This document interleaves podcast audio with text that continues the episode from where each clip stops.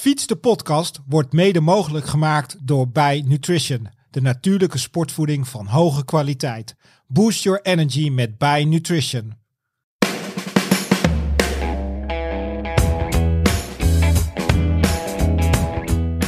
Want als een Jacko gaan trainen drie weken voor jouw doel, omdat dat doel al nou eenmaal over drie weken Ja. moet gebeuren. Dat, heeft, dat heeft totaal geen Nee. effect. Liefhebbers van de fiets, welkom bij Fiets de Podcast, aflevering 41. Aan tafel Jim van den Berg, grootmeester in de wielentrainingsleer, drijvende kracht achter Cycling Lab en de fameuze Join trainingsapp.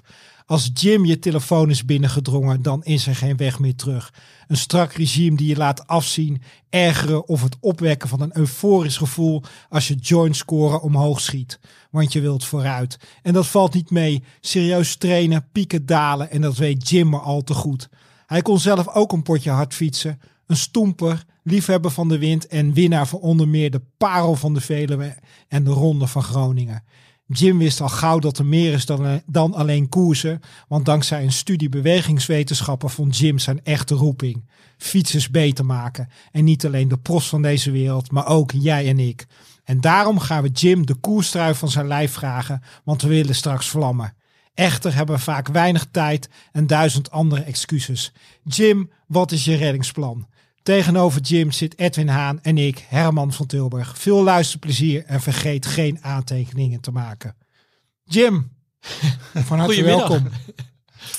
Wat een intro. Ja, nou, met liefde geschreven. Want we zijn natuurlijk blij dat je bij ons wil aanschuiven.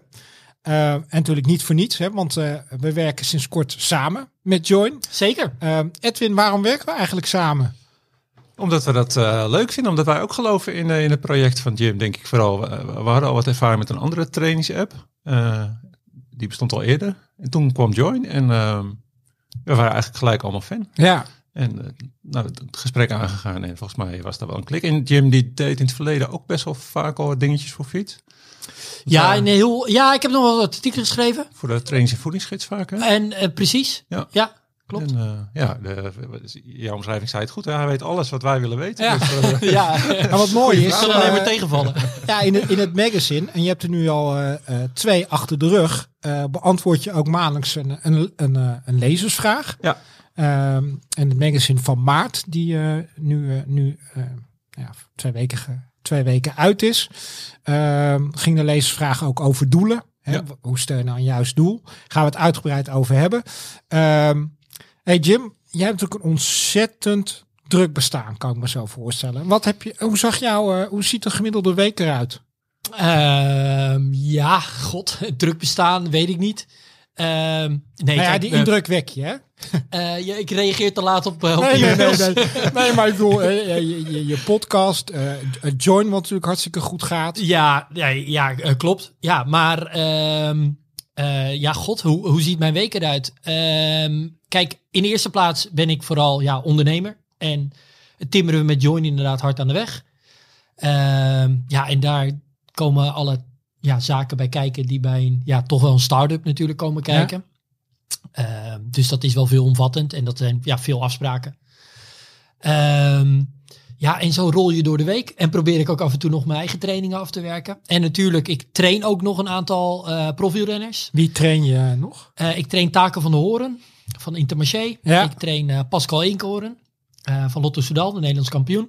En ik train een, eh een Ren Stulner. Dat is nog een continentale renner van eh Metec. En daar houd ik het ook nu bij. Dat is... eh, ja, naast natuurlijk, eh, hè, laten we wel zijn, ja, de duizenden mensen die we via Joint trainen. Ja, Eh, kan me voorstellen dat je met plezier hebt gekeken naar Taken van de Horen in Kuurne, Brussel, Kuurne. Zeker. Want hij ja, zat daarvoor nog echt in Colombia, hè? Klopt. Ja, ja donderdag kwam hij terug. Ja. Hoe krijgt hij dat voor elkaar om, ja, donderdag komt hij terug en zondag in de kopgroep. Ja, hoe lang heeft hij eh, eh, gereden in de kopgroep? Volgens mij bijna van begin tot... ja, van het begin tot het eind. Hè? Want Ja. toen, eh, toen de, eigenlijk de, de grote kanonnen gingen, toen kon hij mee. Ehm, nou, kijk, toevallig, ik heb gisteren ook nog heel lang, Ta- Taco is nu weer in Andorra en heel lang met hem hier ook over gesproken. Ehm, trouwens, kijk, correctie. Hè. Het, is, het is wat dat betreft, ehm, met deze jongens coach ik ook echt. Ja. Dus daar heb je meer contact mee in plaats van dat je alleen schema's maakt. Dat is een beetje het verschil tussen wat ik natuurlijk doe met Join en wat ook bij coaching komt kijken. En waar natuurlijk ja, met een profielrenner, zoals Taco nu zeker in het bijvoorbeeld het, eh, het, het, het Vlaamse voorjaar, wat er nu aankomt, ja, heb je gedurende de week veel contact.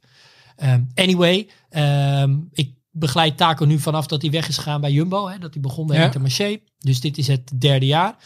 En waar we vooral naar op zoek zijn gegaan is ehm, ja, ook wel dat we dat eh, succes kunnen blijven herhalen. Dus dat er een methode is hoe we hoogtestages en de voorbereiding op het seizoen op zo'n manier kunnen, ja, iedere keer weer kunnen tweaken. Dat, dat, ja, dat we eigenlijk zeker, ja, nagenoeg zeker weten dat hij dan een heel hoog niveau haalt. Eh, ja, en dat is nu ook weer gelukt, want dat was vorig jaar eigenlijk in Kuurne ook al het geval.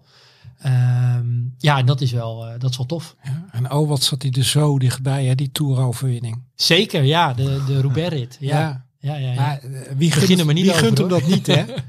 ik bedoel, ik denk dat een hele hoop liefhebbers met heel veel plezier naar hem kijken. Ja, nee, maar dat is ook wel zijn manier van koersen. Hè. Die is natuurlijk heel. Ja, dat, hij, zet, hij, hij eh, zet wel vaak een koers op zijn kop. Ja. Hè? Of hij laat dingen zien die van tevoren een beetje onmogelijk worden geacht. En dat, daar kijken mensen natuurlijk wel graag naar. En hebben wij ook nog profijt als join-gebruiker van jouw ervaringen met de profs?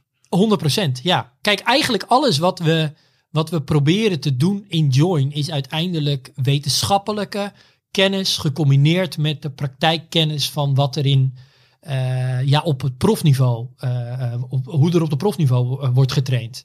En kijk, daarom is het voor mij ook heel belangrijk, of blijf ik dat ook doen, ook de persoonlijke coaching van een aantal profs Ja. blijf ik doen. En dat betekent dat ik nu met mijn huidige werkzaamheden en ja, hoe mijn week eruit ziet, ik niet meer tien profs kan begeleiden.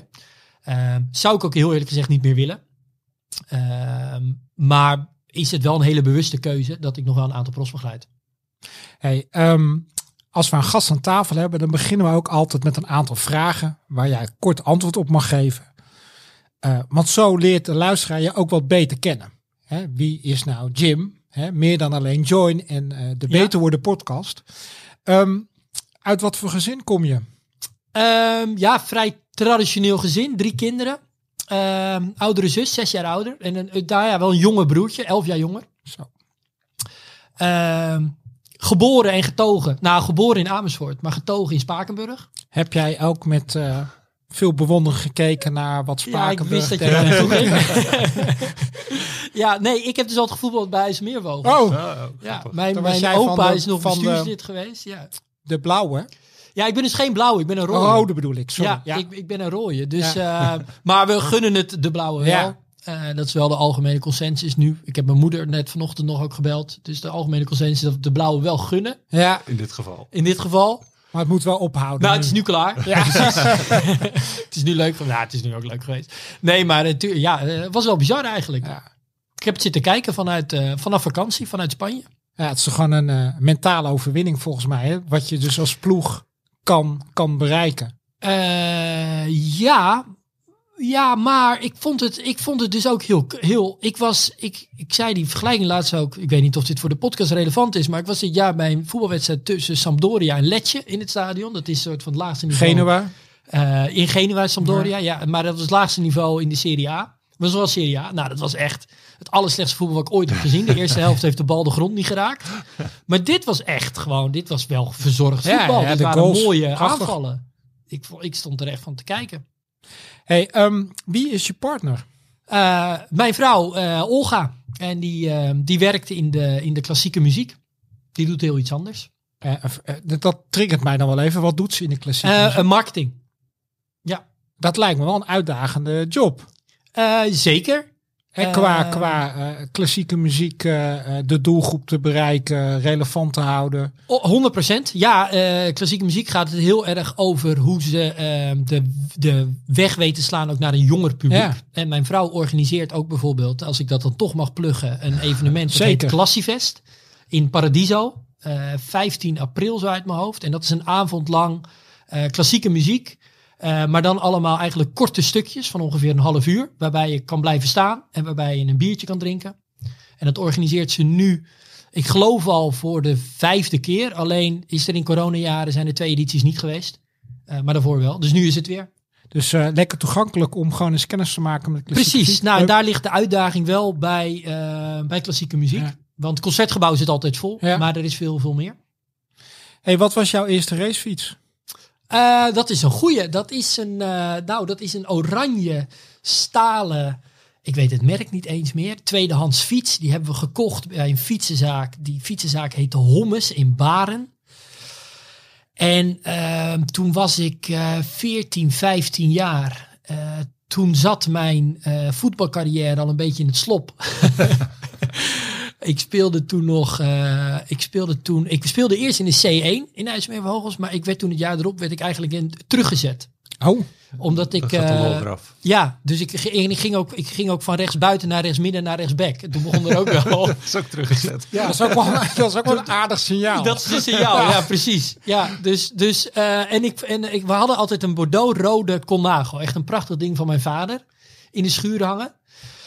En die was eh, veel te, veel te groot. En, eh, maar dat vond ik altijd wel interessant. En daar ben ik trouwens eigenlijk het eerst op gaan fietsen. Een aantal ritjes gaan maken. Want jouw vader fietste niet meer. Je, die fietste eigenlijk niet meer. Die had wel gekoers, ook Tour de Junior. Dat is bij de, ja, dat is in Achterveld. Ik weet niet of Ja, je dat kennen. ja, ja Achterveld bij Barneveld. ja, en dat, dat, dat, dat is eh, eh, jeugd en nieuwelingen. Ja. Dat is nog steeds, tenminste, de- dan ook een beetje internationaal deelnemersveld. Kan je in een gastgezin zitten. Heb ik zelf ook nog aan meegedaan toen ik die leeftijd had. Anyway, die heeft vroeger nog wel gekoerst tot ongeveer zijn 17, 18e. En toen viel hij zichzelf een, eh, een schedelfractuur. Oh. En eh, toen vond hij het wel genoeg geweest. En, maar hij is toen later, eh, eind 20, 30 jaren, is hij wel weer gaan fietsen. Alleen dat heb ik nooit zo bewust meegemaakt. Dus vanaf het moment dat ik mijn actieve herinneringen heb, fietsen die eigenlijk al niet meer. Maar die fiets was er wel. Dus daar ben ik op een gegeven moment mee gefietsen. En mijn pa had er wel heel snel door van, hey, volgens mij vindt hij dat wel heel leuk. Ik kan meer die talent voor dan beetje- eh, de voetbal? En precies, dat voetbal gaat volgens mij geen kant op. dus eh, ja, toen was het, eh, toen was het snel... ja, ben ik naar de club gegaan in Amersfoort. Wielenvereniging Eemland. En zo begonnen. Hey, heb jij zelf helden? Ehm, ja, een goede vraag. Helden.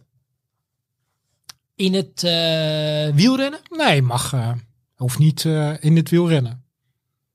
Nou, ik heb denk ik wel mensen waar ik tegen opkijk. Maar mensen die ik, die ik een soort van vereer, niet. Nou, het hoeft niet tegenop kijken, mag ook. Ja, kijk, ik, ik vind het, ik, helden is iets wat ik, ja, tuurlijk, in mijn jeugd had ik Ja. bijvoorbeeld helden. Ik weet nog heel goed dat ik naar de, de, de Ronde van Nederland heette dat toen nog, met een start bij de jaarbeurs in Utrecht. Dus toen had ik een leeftijd, ik denk 12, 13, 14, misschien zoiets.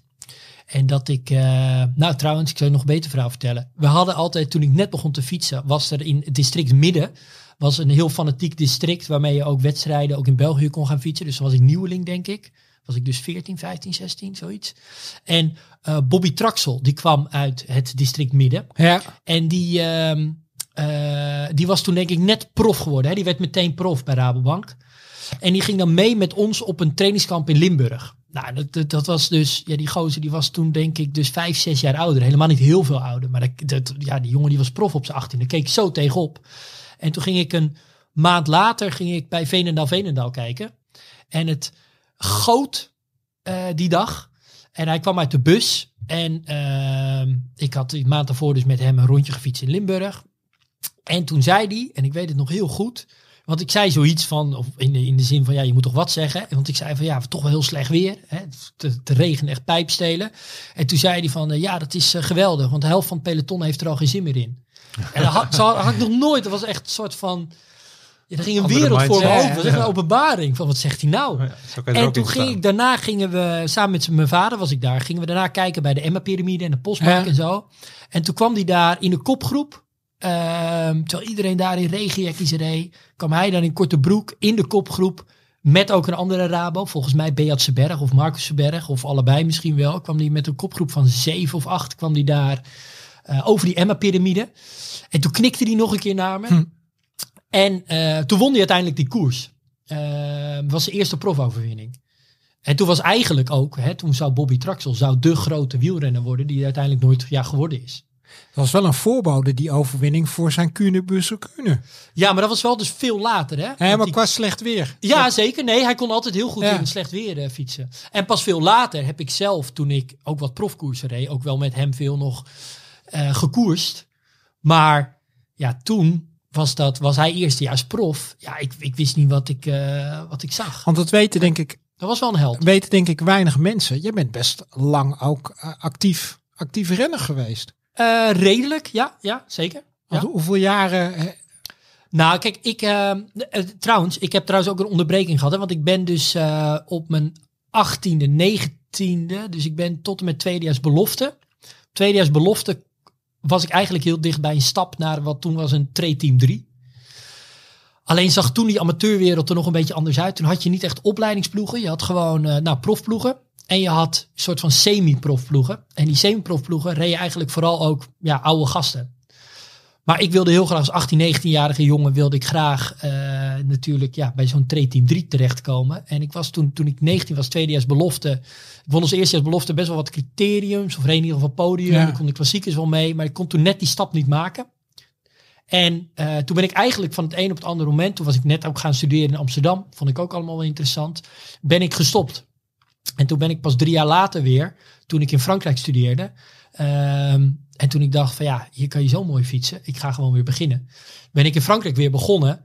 En toen ik terug in Nederland kwam, ging het eigenlijk al heel snel best wel goed. En won ik wat amateurwedstrijden. En toen kon ik weer een niveau omhoog. En ben ik alsnog eh, ja, zes jaar bij ja, topamateurs, Ja. dat heette toen Continentaal, eh, heb ik gekoerst.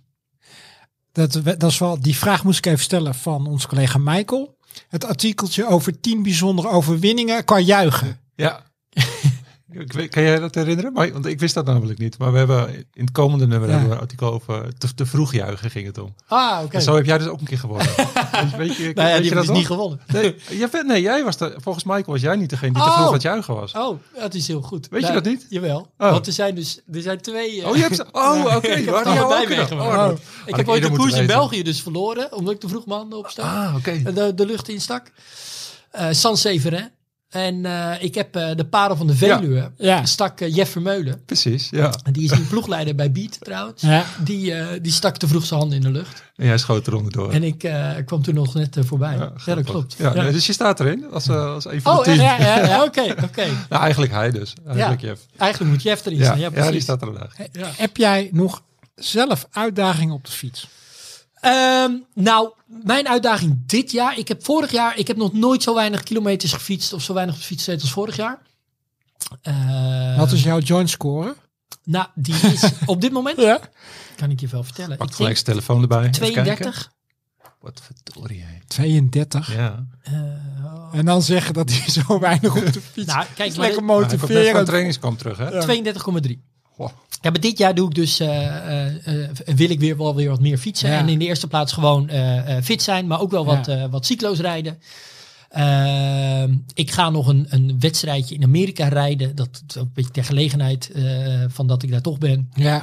Ehm, ja, en ik, ik- Weg of gravel? weg. Oké. Ja, ja. in Sea Otter, eh, in, in Californië. Ah, ja.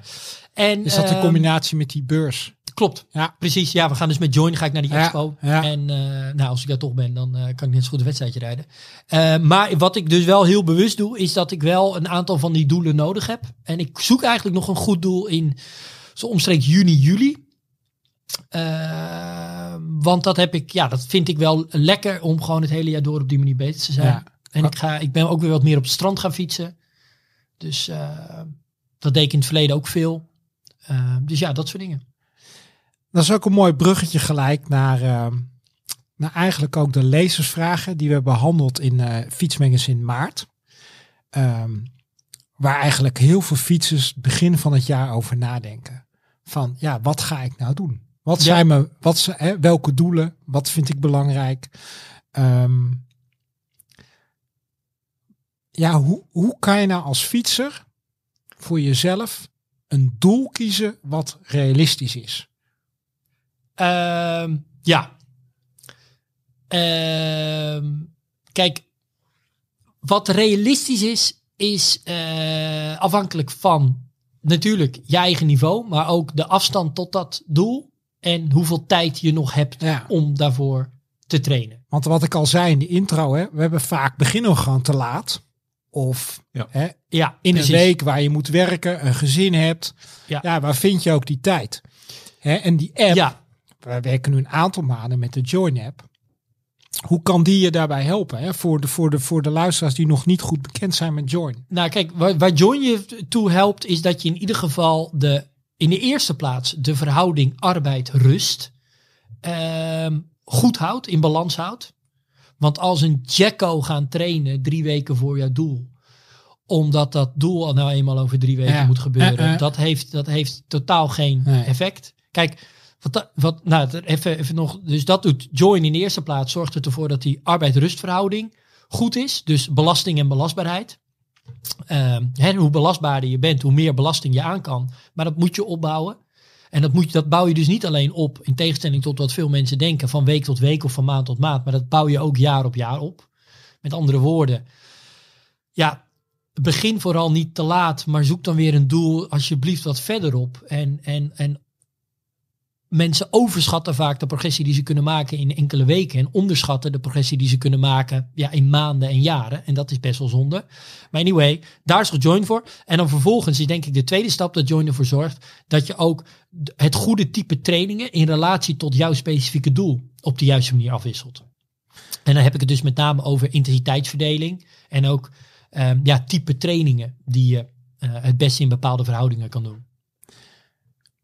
Is die Join score ehm, dan vaak ook een struikelblok voor mensen? Ik bedoel, we hebben het net over even eh, gekscherend, hè, 32 van jou, hè, dat wij flink onder de indruk zijn. En dan zeg je nog, ja, ik, wil, ik heb wat minder gefietst. Ja, Maar hè, in zo'n groepje gaat het ook vaak over die join score.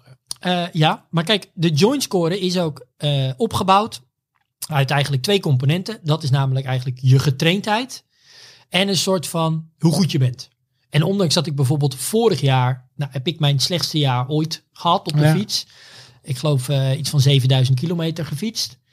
Maar dan moet je wel bij eh, beseffen dat ik vanaf, nou in ieder geval vanaf mijn 23ste, maar ook in de periode daarvoor tussen mijn 15e en mijn 20ste, ja, altijd op de fiets heb Ja. gezeten. En tot mijn, eh, ik ben inmiddels 37, eh, nooit ben gestopt. En ik ook jaren heb gehad waarin ik meer dan 20.000 kilometer fietste. Heel veel jaren zelfs. En ehm, ja, ik ben nooit ook bijvoorbeeld, nadat ik ben gestopt met het koersen van, eh, van wedstrijden, eh, ben ik altijd door blijven trainen. Ben ik andere doelen gaan stellen. Ben ik op het strand gaan fietsen. En Ehm, ja, dat maakt dat ik ook inderdaad wel. eh, en natuurlijk had ik al een beetje enige aanleg voor die sport. Daarom ben ik daar natuurlijk Ja. ook in doorgegaan. Maar dat, dat maakt dan ook dat ik ja, daar relatief op dat stuk weinig terugval. Maar in die getraindheid dus nog wel wat stappen kan zetten. Eh, en is het dan een struikelblok? Ja, ik hoop het juist niet. Ik denk juist dat die joint score dan dus helpt dat je bijvoorbeeld eh, mensen om je heen kiest van een vergelijkbaar niveau, waardoor samen trainen leuker is. Maar dat je ook doelen kiest die ook aansluiten bij dat niveau, waardoor dat doel veel toffer wordt. Of waardoor je ook weer naar de toekomst toe doelen gaat kiezen die ja, weer iets verder liggen. Die weer passen bij een hogere joint score. Want wat krijgen jullie terug van gebruikers? Hè? Ehm, wat zijn dan veel gemaakte fouten of verkeerde aannames over het gebruik van de app? Ehm, ja, dat je ziet dat bijvoorbeeld. ehm, nou, wat, wat denk ik een mooi voorbeeld is, is ehm, tegenwoordig kan je als je bij. ja, in het schema zitten, kan je ook kiezen op mijn schema. En dan Ja. zie je hoeveel uren die op gaat bouwen in de toekomst. En dan zie je dus bij veel mensen dat. Eh, want voorheen kregen we best wel vaak de vraag. Ja, ik heb eh, bij spreken 15 uur mijn beschikbaarheid opgegeven. Maar ik krijg maar 6 uur te trainen deze week. En zeggen we van ja, maar hij gaat, hij gaat opbouwen Ja. en hij past zich aan aan jouw belastbaarheid. En op het moment dat je die belastbaarheid niet hebt, dan heeft het helemaal geen zin om nu 15 uur per week te gaan trainen. Ja, eh, Taco die traint regelmatig 35 uur per Ja, week. maar dat is een prof. Dat is een prof. En zelfs al zou je alle tijd van de wereld hebben, zijn er maar heel weinig mensen op deze planeet die 35 uur moeten gaan trainen. Wie dat fysiek aankunnen. Die dat fysiek Ja. aankunnen, dat moet je opbouwen. Hè? Daar heeft Taco 20 jaar over gedaan om dat aan te kunnen. Dat moet je niet denken van, nou, ik heb nu de tijd, ik ga het lekker doen. Daar word je helemaal niet beter van. En dat je dus zag van dat mensen dan dachten, oh ja, ik ga acht uur eh, eh, per week trainen. Of ik krijg maar acht uur. Ja, dat is lang niet genoeg, want over drie maanden is mijn doel. En nu zie je dan, als je dan klikt op eh, eh, hoe je eh, schema eruit ziet. Dan zie je dus ja, dat het wel degelijk steeds meer wordt. En Ja, dat je over drie weken misschien wel Ja. die 12 uur. Ja, en dan krijg je een beetje ja. Maar geruststelling. ik denk een gemiddelde fietser in Nederland, hè, zoals jij en ik. Eh, ja, Siri wil het antwoord al geven.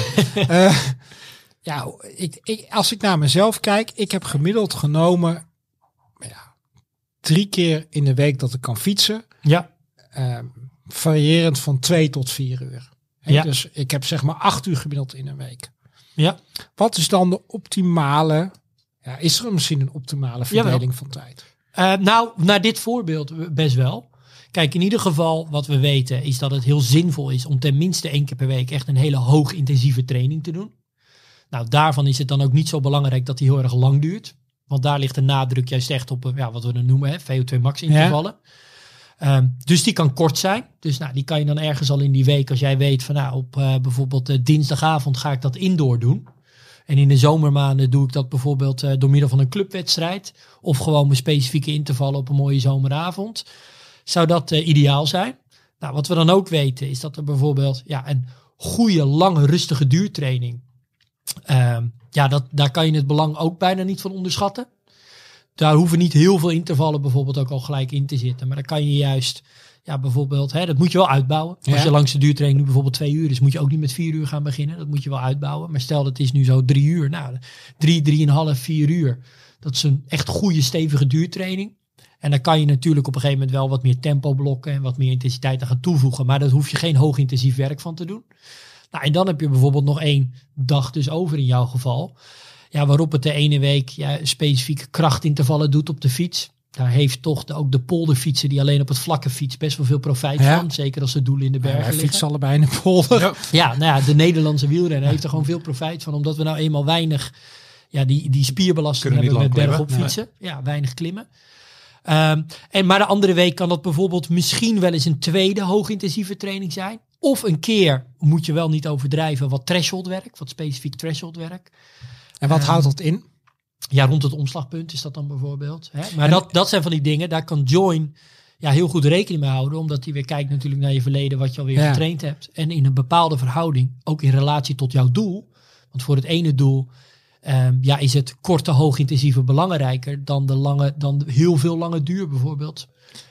Want er wordt altijd gesproken over FTP. Hè? En in de app zie je natuurlijk ook hè, je FTP en ook eh, een plusje of een minnetje. Ja, Ehm, maar voor de fietser die begint ja. met, met Join en FTP.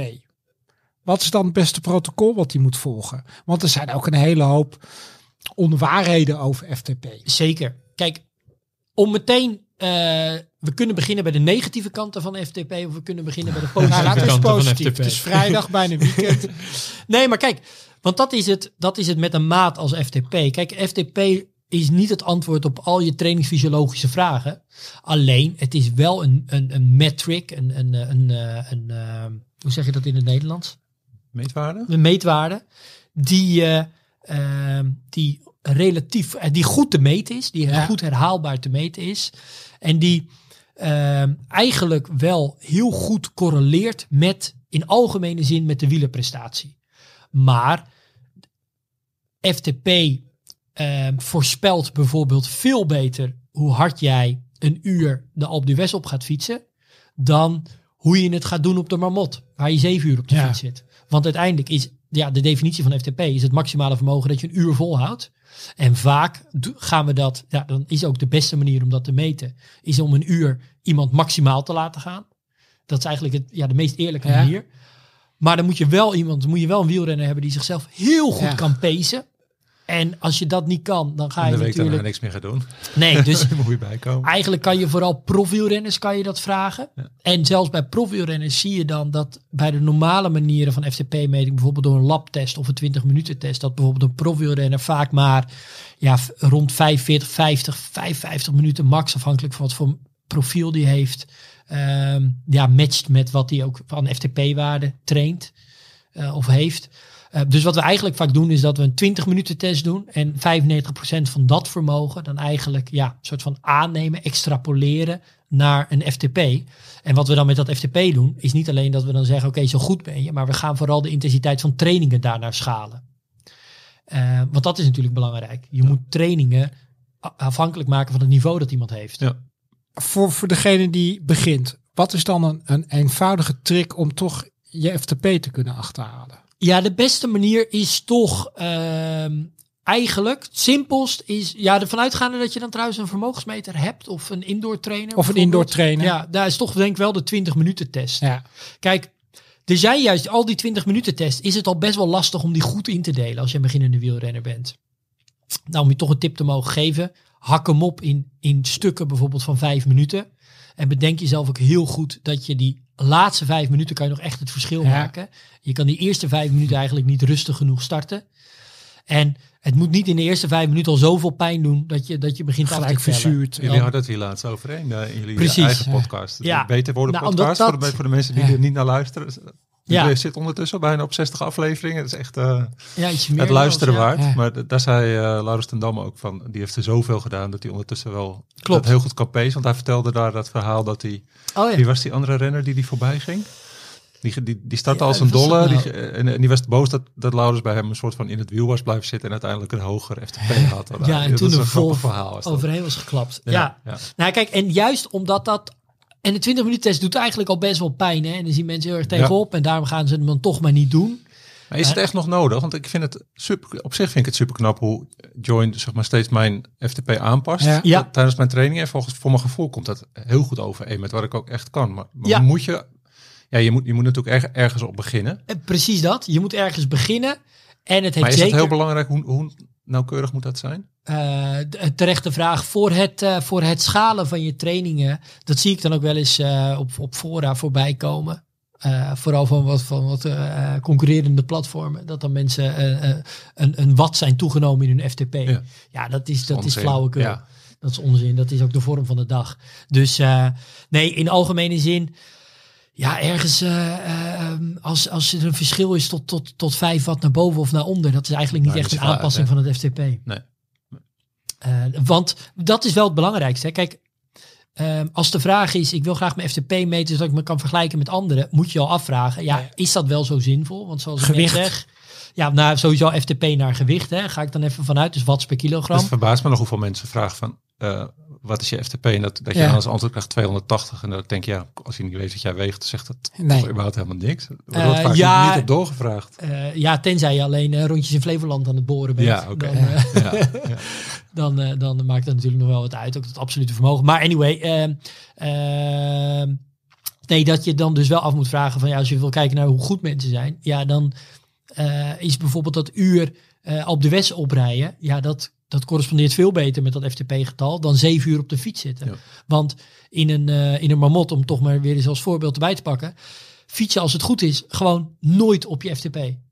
Je blijft de hele Ja, tijd in een bepaalde dan ga je het niet volhouden. Nee. ja, je blijft de hele Ja. tijd ongeveer ja, zo'n 80, 85 procent bergop. eh, van dat FTP dan, hè, fietsen. Ja. Ehm, en al zo min mogelijk eh, 90, laat staan 100 procent van het FTP. Maar het is wel, wel een mooi bruggetje naar die eh, marmot. Hè? Want heel veel fietsers die ons blad lezen of naar ons luisteren, die doen mee aan cyclo's. Ja. Of een, eh, of een toertocht Ja. in de bergen. Eh, het is nu eh, eh, maart. Veel doen dat in juni, juli of augustus. Ja, aan hoeveel trainingsuur heb je dan nodig? Of wat is een joint score, zeg maar, die een match is om zo'n eh mamot 5000 hoogtemeters goed af te kunnen leggen. Ja, kijk. En nu raken we dus... De, die joint score gaan we zo even opzoeken in de app. Weet ik, weet ik niet zo uit mijn hoofd. Ik denk dat ik ongeveer wel een inschatting kan maken. Maar kijk, er zijn denk ik twee dingen dus van belangrijk. En dat zit dus ook in die joint score. Als wij... eh, ik had toevallig sprak ik net nog Mark de Maar. Ja. Oud profielrenner. Curaçao. Ja, en ik reed met... Ik reed de... Ik reed Komt de er nooit meer vanaf als iemand zegt, Mark Nee, van Maar zegt ja, Curaçao. ja, want hij had toen op een gegeven moment zo'n shirt. Ja. ja. Prachtig wit Patrick shirt. Vond dat Ja. niet leuk volgens Ja. mij. Toen reed Nee, de nee, Quickstep. nee. Ja.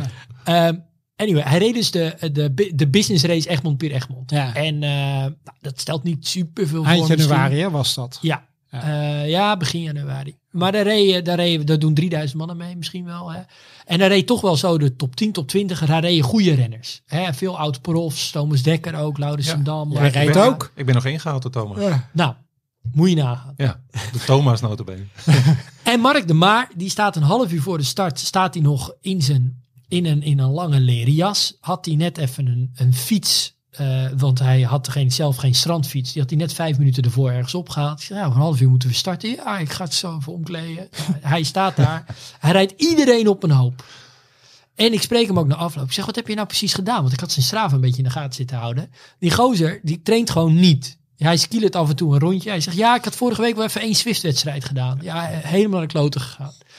Met andere woorden, kijk, dit is iemand, als we even, en dit is natuurlijk een heel extreem geval, met zoveel talent, dat ik denk dat als we hem nu aan de start van de eh marmot zetten, dan gaat hij alsnog de marmot goed uitfietsen. Zou hij het niet heel veel beter kunnen doen wanneer hij wel die getraindheid heeft? Ja, natuurlijk. Maar hij zou eigenlijk gewoon op basis van zijn fysieke Capaciteit. eh, capaciteiten zou die al die marmot kunnen fietsen. En dat is het dus ook een beetje, dat de ene sterveling, hey, en uiteindelijk fiets je de marmot vooral uit een combinatie tussen aanleg ja. en getraindheid. En Mark de Maar heeft zoveel aanleg dat hij het helemaal zonder die getraindheid ongeveer zou kunnen doen. Nou, ik, ik niet in ieder geval. Maar ik heb ook wel natuurlijk, daarom heb ik ook in het verleden nog wel op een redelijk niveau gekoerst. Wel een beetje aanleg, waardoor ik met enige getraindheid nog wel een bepaalde joint score haal. En dat betekent ook, en dat zal natuurlijk ook naarmate ook de leeftijd toeneemt, zal ik er wel steeds meer voor moeten trainen om ook dat niveau te kunnen blijven onderhouden. Maar helaas is sport a priori, zoals Tim Krabbe ooit al schreef, oneerlijk. ja. En kan de een met minder getraindheid hetzelfde niveau halen als iemand anders. En daarom hebben, vinden wij het ook zo ja, belangrijk toch wel. Dat, kijk, begrijp me niet verkeerd. Hè? Ik heb juist alle respect voor de getraindheid en niet zozeer voor enkel en alleen het talent. Dit krijg je ook maar mee. Ja. Ja, want dan krijg je ook maar in je schoot geworpen. Ja. Maar het is nu eenmaal wel zo dat als we willen kijken naar of een doel bij je past, ja, ehm, het wel uit die twee vaten moet komen. Snap je? Maar dat voor fietsen geldt, denk ik, en zeker voor de meeste fietsers die Join gebruiken, ja, eh, talentloos en vooral het heel, heel echt moeten hebben van gewoon uren maken. Nou, en dat is- en, en, en, En dat is dus het leuke trainen. van wielrennen. Dat als we ons nou doelen gaan stellen die vooral heel aeroop zijn. En die vooral erom gaan dat je heel lang op een fiets zit op een Ja. hele lage intensiteit. Nou, laat dat nou toevallig de mens super goed in staat zijn om daarvoor te trainen. Dus dan kun je met weinig talent ook heel goed trainen. eigenlijk kan je met heel Ja. weinig talent, Ja. kan, je die, kan je die getraindheid enorm opvoeren. En dat is ook de reden dat mensen heel graag de marmot fietsen. Ook op een, boven hun vijftigste. Ja. En dat is ook de reden waarom er heel weinig vij- hè, dat, dat we niet met Amas eh, meedoen aan baan-sprint-evenementen van 50 plus. Want er is geen hol aan. Dan voel je alleen maar dat je slechter wordt Ja. en niet verbeterd. Is er nou ook een eh, specifiek moment op de dag waarvan je zegt, ja, als je goed wil trainen, moet je altijd 's ochtends, middags of 's avonds. Nou, je moet wel rekening houden met ehm, eigenlijk een soort van als het ware hoeveel energie je nog in de tank hebt. Om dus natuurlijk wel ook ja, die belasting goed aan te kunnen en daar ook nog goed van te kunnen herstellen. Ehm, en nu bestaat er trouwens wel wat, er is ook wat onderzoek naar voor het eh, moment van de dag waarop ja, gewoon het bioritme, Ja. waarop de een graag bijvoorbeeld juist s'avonds fietst of eh, liever meteen 's ochtends of het, het kan niet zo vroeg mogelijk zijn. Maar in algemene zin ehm, heeft het niet heel erg veel zin als jij de. Heeft het impact op je trainingsprogressie als jij de hele dagen eh, straat aan het leggen bent en je doet s'avonds nog hele zware trainingen. Ze zijn er, hè, trouwens. eh, Ja, want als je niet anders kan en je wil wel Ja, verlammen zeker. straks. Ja, en ik heb daar ook onmetelijk respect voor voor mensen die dus met heel zwaar fysiek werk ook nog s'avonds Ja. die trainingsbelasting kunnen leveren. Ja, en, die, en die zie je ook vaak tot op hele hoge leeftijd ook nog wel echt een serieus niveau halen. Laatst maar dat zou je- bij, eh, bij Jasper Schouten. Die, eh, die Ja. staat Ja. gewoon de hele dag op zijn benen in de fietsenwinkel. Ja. Die, eh, die, die koers bij eh Alink. Ja. Ja. Nou, en dat zou je dus ook om zo? kunnen draaien. Dat waarschijnlijk veel van dat soort mensen die dat kunnen, zouden wel met minder fysiek werk nog een hoger niveau kunnen ja. halen. Ja, daar hadden we het met hem over. Ja. Hoe zou het zijn als je niet zou werken? Ja. Ja. Maar het is ook wel weer zo, hè, dat heb ik ook wel bij genoeg jongens gezien, ook zeker op mijn profniveau. Kijk, het is niet zo dat als je dan de tijd hebt, dat het zo makkelijk is. Kijk, het, voor veel mensen denk je, ja, als ik de tijd zou hebben, dan zou ik 25 uur per week trainen. Moet je ook maar aan kunnen. Ja, ik, ik heb zelf ook al gemerkt, ik werd op een gegeven moment, want daar had ik ook de, het talent niet voor, niet heel veel beter van meer dan 15 uur per week trainen. Ja, trainingskampen zo tussen de 15 en 20 uur. Maar de echt fysieke talenten, die het profpeloton ook halen, die kunnen hun lichaam. Hè, Laurens Dam kan heel goed 15 tot 30 uur per week trainen. Ja. Nou, Taco helemaal bijvoorbeeld. En er- er is- er zit natuurlijk ook een weg naartoe, gaat eraan vooraf. Maar ehm, het is niet zo makkelijk en het voelt op een gegeven moment niet zo lekker om, om ja, boven de 15 uur bijvoorbeeld per week te trainen. Dat is niet alleen tijdsafhankelijk voor veel mensen. Nee, want het is ook die balans hè, die, die, die je hebt. Eh, eh, gezin, eh, werk. Zeker? Daar gaat de meeste tijd naartoe. Ja, en, en dan moet je ook nog zien te trainen. Ik vind moment van de dag, twee keer, als het weer licht is, hè, zomertijd, dan had het eigenlijk dinsdag en donderdagavond wordt er flink gefietst. Ja. Ja. En ook met een behoorlijke intensiteit. Ik slaap dan altijd ontslecht, ontzettend slecht daarna. ja. Dus het is niet bevorderlijk voor mijn, eh, voor mijn herstel. zeg nou, en dat zijn dus de dingen waar je rekening mee moet Ja, houden. maar houdt de app daar al rekening mee? Wij adviseren niet dat je het op een bepaalde tijd moet doen. Nee. nee Jij nee. zegt trouwens al, dat is niet bevorderlijk voor mijn herstel. Maar daar ben ik altijd benieuwd naar. Is, moet je nou, Tenminste, moet je nou echt slapen slaap om te herstellen? Of is gewoon eh, stil in je bed liggen? Ja. Is, dat ook, is dat hetzelfde Nee, herstellen? dat is niet hetzelfde. Nee, zeker niet. Nee, nee, nee. Nee, je, hebt dus, je, je moet dus die cycli maken. Je hebt al die fasen van slaap heb je echt nodig voor je, voor je herstel. Voor je fysieke herstel? Voor je fysieke herstel. Oké.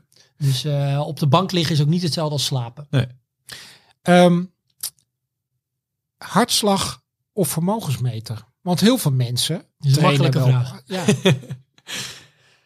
Ja, nee, kijk. ehm, je zou ergens kunnen zeggen dat met hartslag je intern meet wat er in het lichaam gebeurt. En dat is natuurlijk eigenlijk misschien nog wel belangrijker dan externe output gaan meten. Dus als je intern echt een, een intensiteitsmeter had om precies intern te kunnen zien hoe zwaar het voor jouw lichaam was, was dat eigenlijk misschien, is dat een interessantere maat dan extern kijken hoeveel vermogen je genereert. Punt is alleen dat dat, dat is eigenlijk zo. Dat, dat ben ik, dat, met die stelling ben ik het eens. Alleen hartslag is die maat niet. Omdat hartslag te afhankelijk is van heel veel andere factoren dan de fysieke inspanning. Dan eigenlijk hoe zwaar het voor jouw lichaam is. als je dan begint met een, met een, eh, met een vermogensmeter. Ja, Hè, want heel veel fietsers hebben nog geen vermogensmeter. Ja, het merendeel denk ik nog Ja, steeds. wel, maar nog een deel. eh kun je dat zien? In de join app kan je gewoon zien. natuurlijk nou we zien natuurlijk in Join hoeveel Ja, mensen een vermogensmeter hebben. Ja. En bij ons Hoe ligt merendeel, een merendeel een vermogensmeter. Ja, iets boven de helft. Maar dat is niet de gemiddelde fietser. Nee. Dus als je joint gebruikt ben je al een stuk fanatieker dan de gemiddelde fietser. Ja, dan heb je denk ik wel een doel gesteld. Ja. hè, En dan... eh, En wil je serieus trainen en dat gaat nou eenmaal beter als je ook een vermogensmeter hebt. Ja, precies. Jullie zouden vermogensmeters moeten aanbieden. Ja, maar je moet ook bij je lees blijven, Ja. denk ik. Ehm, is er dan ook een verschillende aanpak als je de app gebruikt en waar de app rekening mee houdt ten opzichte van vrouwen en mannen?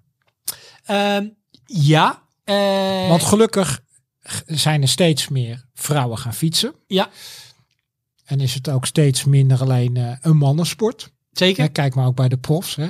Eindelijk de, de, de verdiende aandacht eh, voor de vrouwen ook. Ja. Ehm, ja, dan gaat het eigenlijk om eh, hoe we de belasting berekenen. Dat, gaat, dat is iets anders tussen mannen en vrouwen. Ehm, plus, en dat is denk ik het grootste verschil.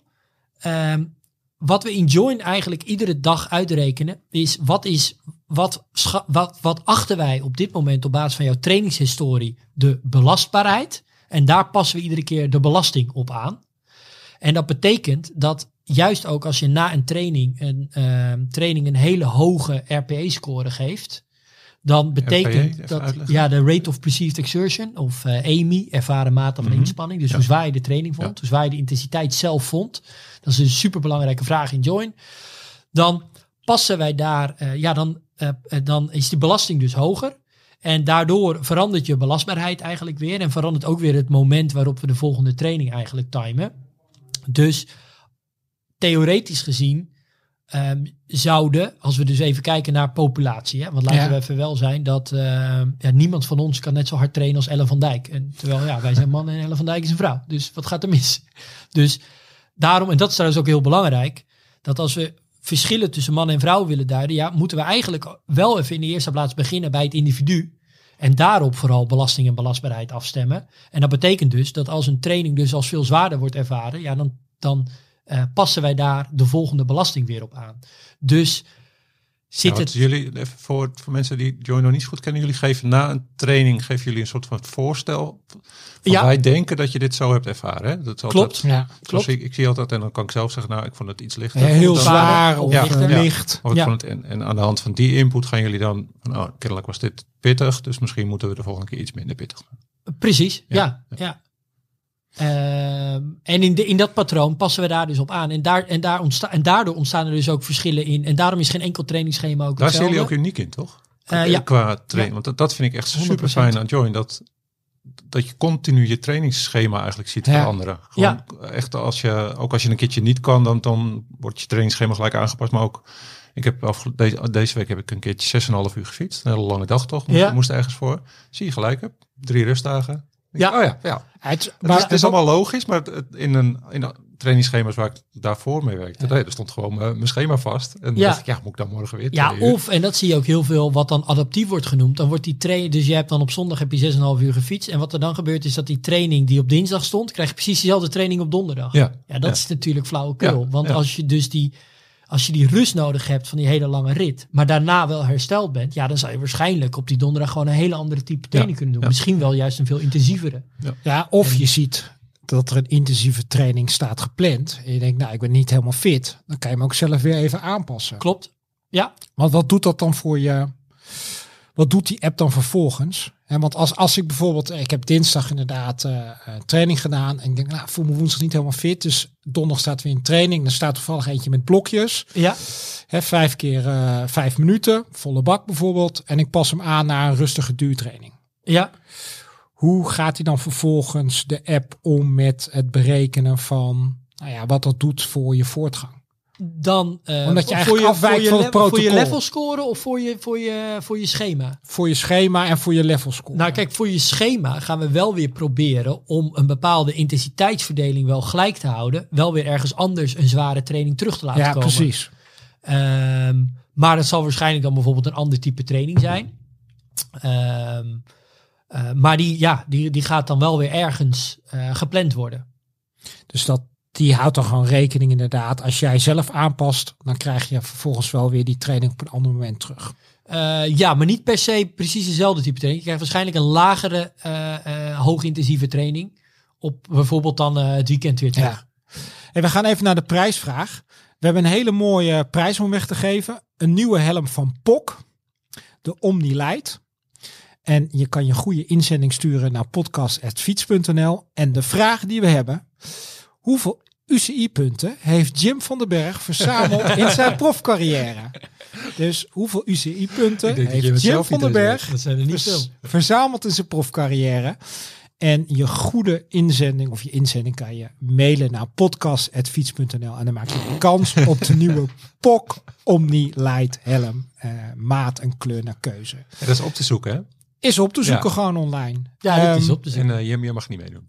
Ik eh, zou het ook niet weten, maar eh, ja. En wat we nu toch boodschappen aan het doen zijn. ehm, voor je boost, voor, tijdens en na het fietsen. Heeft onze partner bij Nutrition een speciaal Fiets de Podcast sportvoedingspakket samengesteld.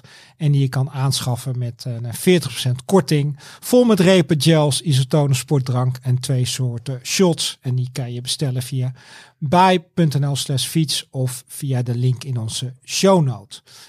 Ehm, hoe deal je nou met steeds ouder worden? En houdt de app er al rekening mee? Eh, ja, nou kijk, ook daar weer in zit dus ehm, het be- allerbelangrijkste is gewoon eh, eh, op basis van iemands belastbaarheid belasting afstemmen. En dat betekent dat als je ouder wordt, je zult merken dat je minder goed herstelt van trainingen. Dat komt dus ook weer terug in jouw volgende training. Daar wordt de belasting daarna weer op aangepast. En dat betekent dat je zal merken dat ondanks dat je misschien naarmate de leeftijd toeneemt en bijvoorbeeld je kinderen uit huis gaan, steeds meer tijd tot je beschikking Ja. hebt.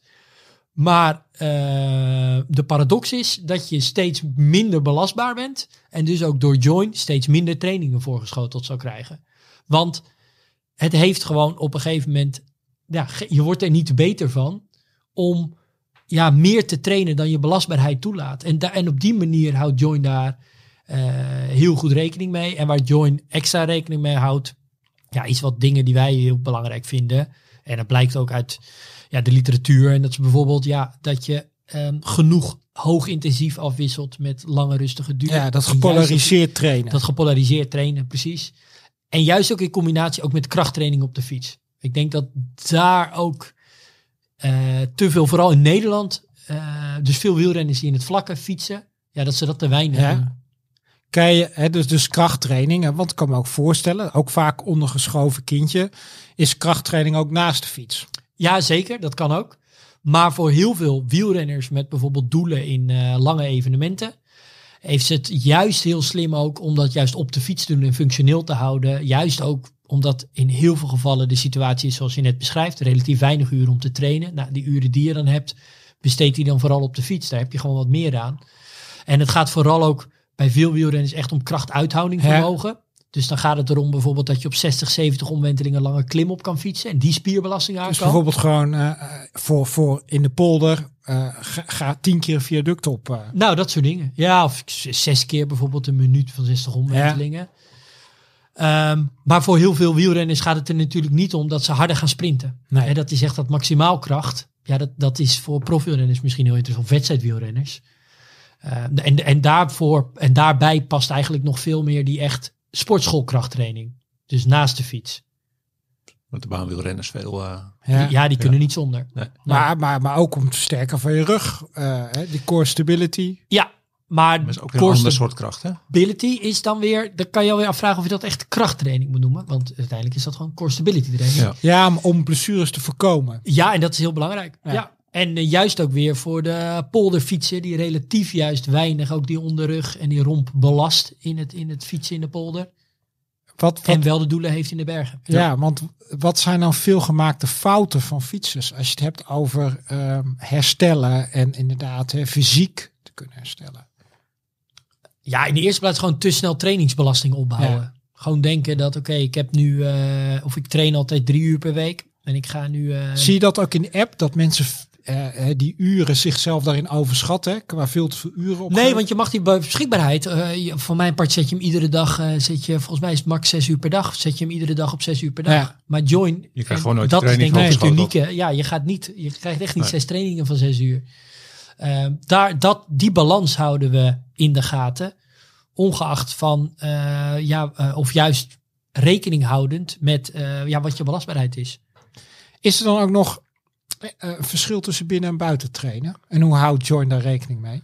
Ehm, Want ik train veel, zeker als het gewoon in de wintermaanden en slecht weer, ga ik heel graag zwiften. ja, En ik heb ook heel veel fietsers bij mij in het groepje. Ja, die vinden dat allemaal maar onzin. En die zeggen, ja, dat kan nooit zo goede intensiteit zijn als buiten. Eh, ja, nou, kijk, die, Dat is raar. ja, waarom zeggen ze dat? Ja. Nou, dat is gewoon conservatief. gevoel van zo. Oké. Dat is gewoon, denk ik, ja, weet je, je moet lekker buiten gaan Het moet, fietsen. koud, het moet koud je zijn. moet, en het moet koud zijn en afzien buiten. Ja.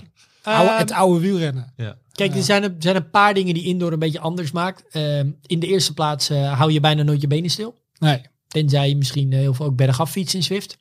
Eh, in de tweede plaats eh, belast je echt wel echt alleen de, de, je benen. Ja. En je hebt minder bijvoorbeeld tegenwoordig met die, met die eh rockerplates Ja. wat meer. Maar je hebt minder die sway.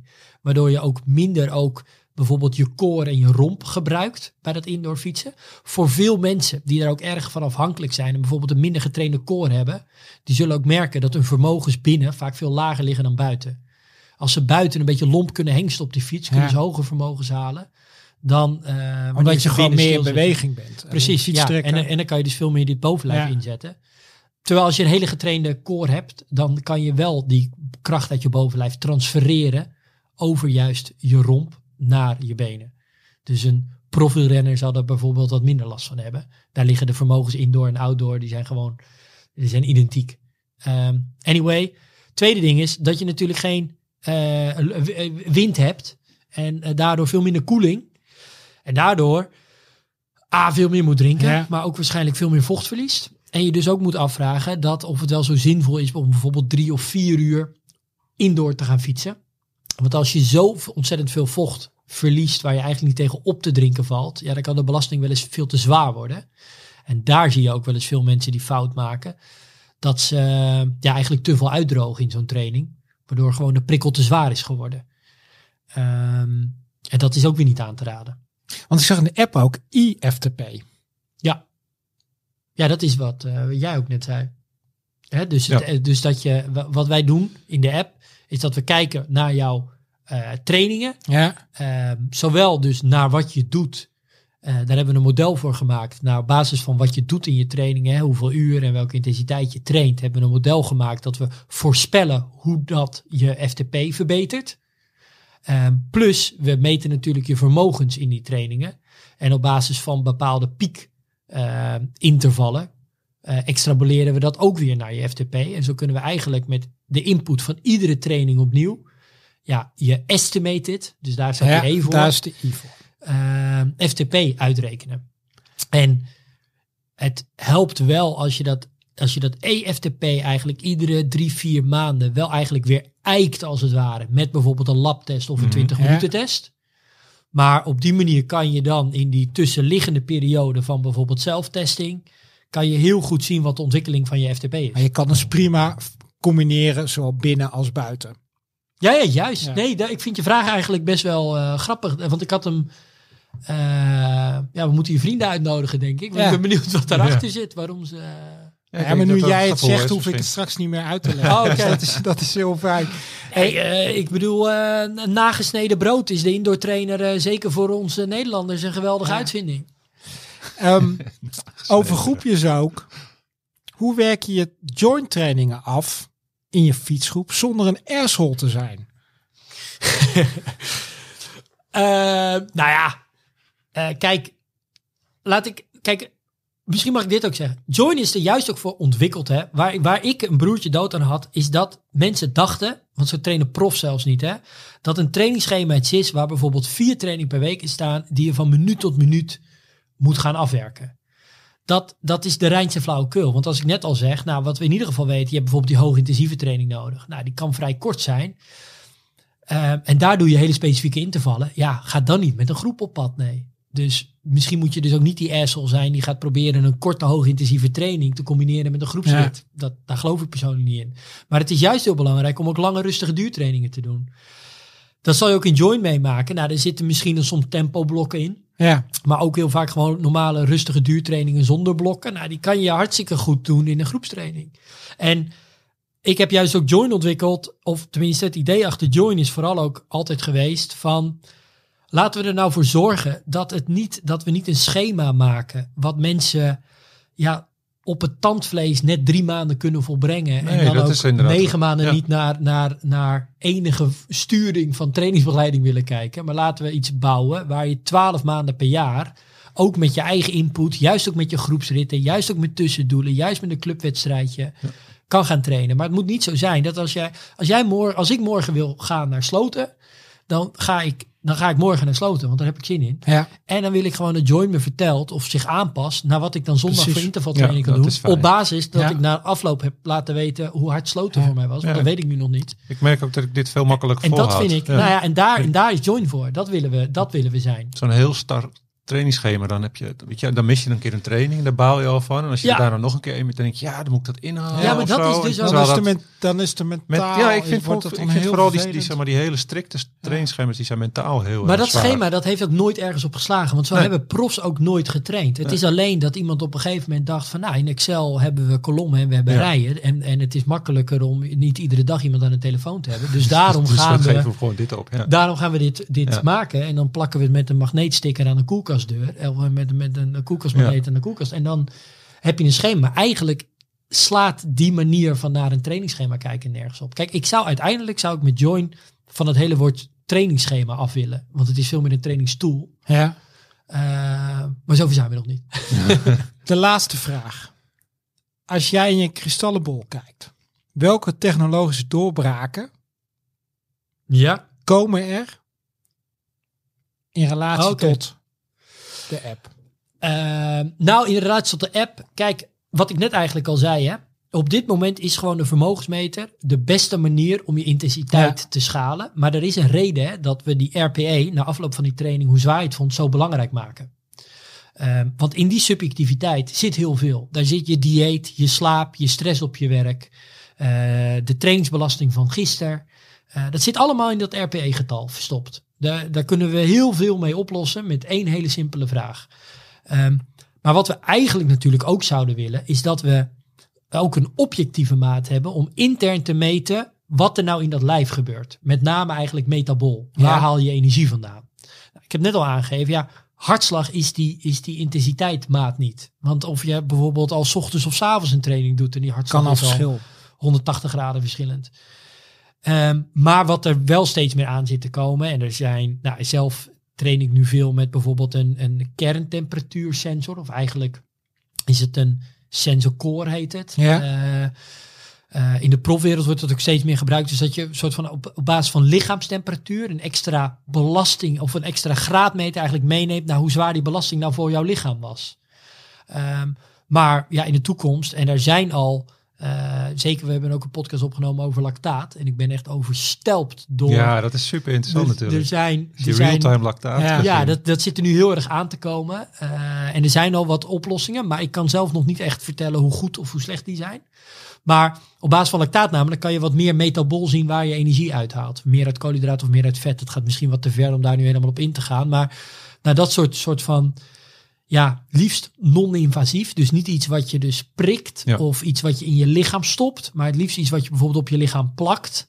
Zoals bijvoorbeeld tegenwoordig heb je die CGM's, Ja. die Continuous Glucose Monitoring Je Dus dat je bloedsuiker. eh, spiegel. bloedsuikerspiegel continu kan meten. Nou, dat is ook nog wel interessant om te zien hoe die fluctueert tijdens je sportprestatie en daar ook vooral je voedingspatroon op de fiets op aan te passen.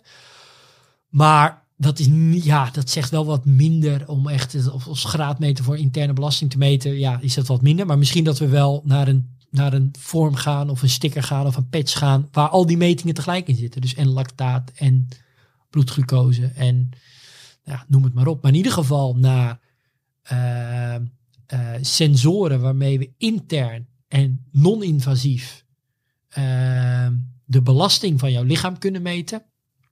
Eh, dat, gaan we, dat, dat zit er steeds meer aan te komen. Dat soort dingen willen we dan ook wel koppelen aan Join. natuurlijk. Mooi, mooi. Ehm dankjewel Jim. Ehm, wij zijn partners, dus speciaal voor onze lezers en luisteraars. Doe jezelf een plezier, download Join. Het is makkelijker dan je denkt. Je wordt er beter van en je ontvangt twee maanden gratis bij een Join abonnement van vier maanden. De aanbieding zetten we in de show notes. Ehm, ontzettend bedankt Jim dat je wilde aanschuiven. Jullie bedankt. Succes met, eh, met alle ontwikkelingen van Join. Ehm, Edwin, dankjewel. Dit was aflevering 41 met Jim van den Berg. Goeroe in de wielertrainingsleer en de drijvende kracht achter de Join Trainings app. Abonneer je op Fiets de Podcast via Favo Podcast app en laat een fijne review achter. Heb je vragen of opmerkingen? Mail ze naar podcast.fiets.nl. Tot de volgende Fiets de Podcast en blijf fietsen.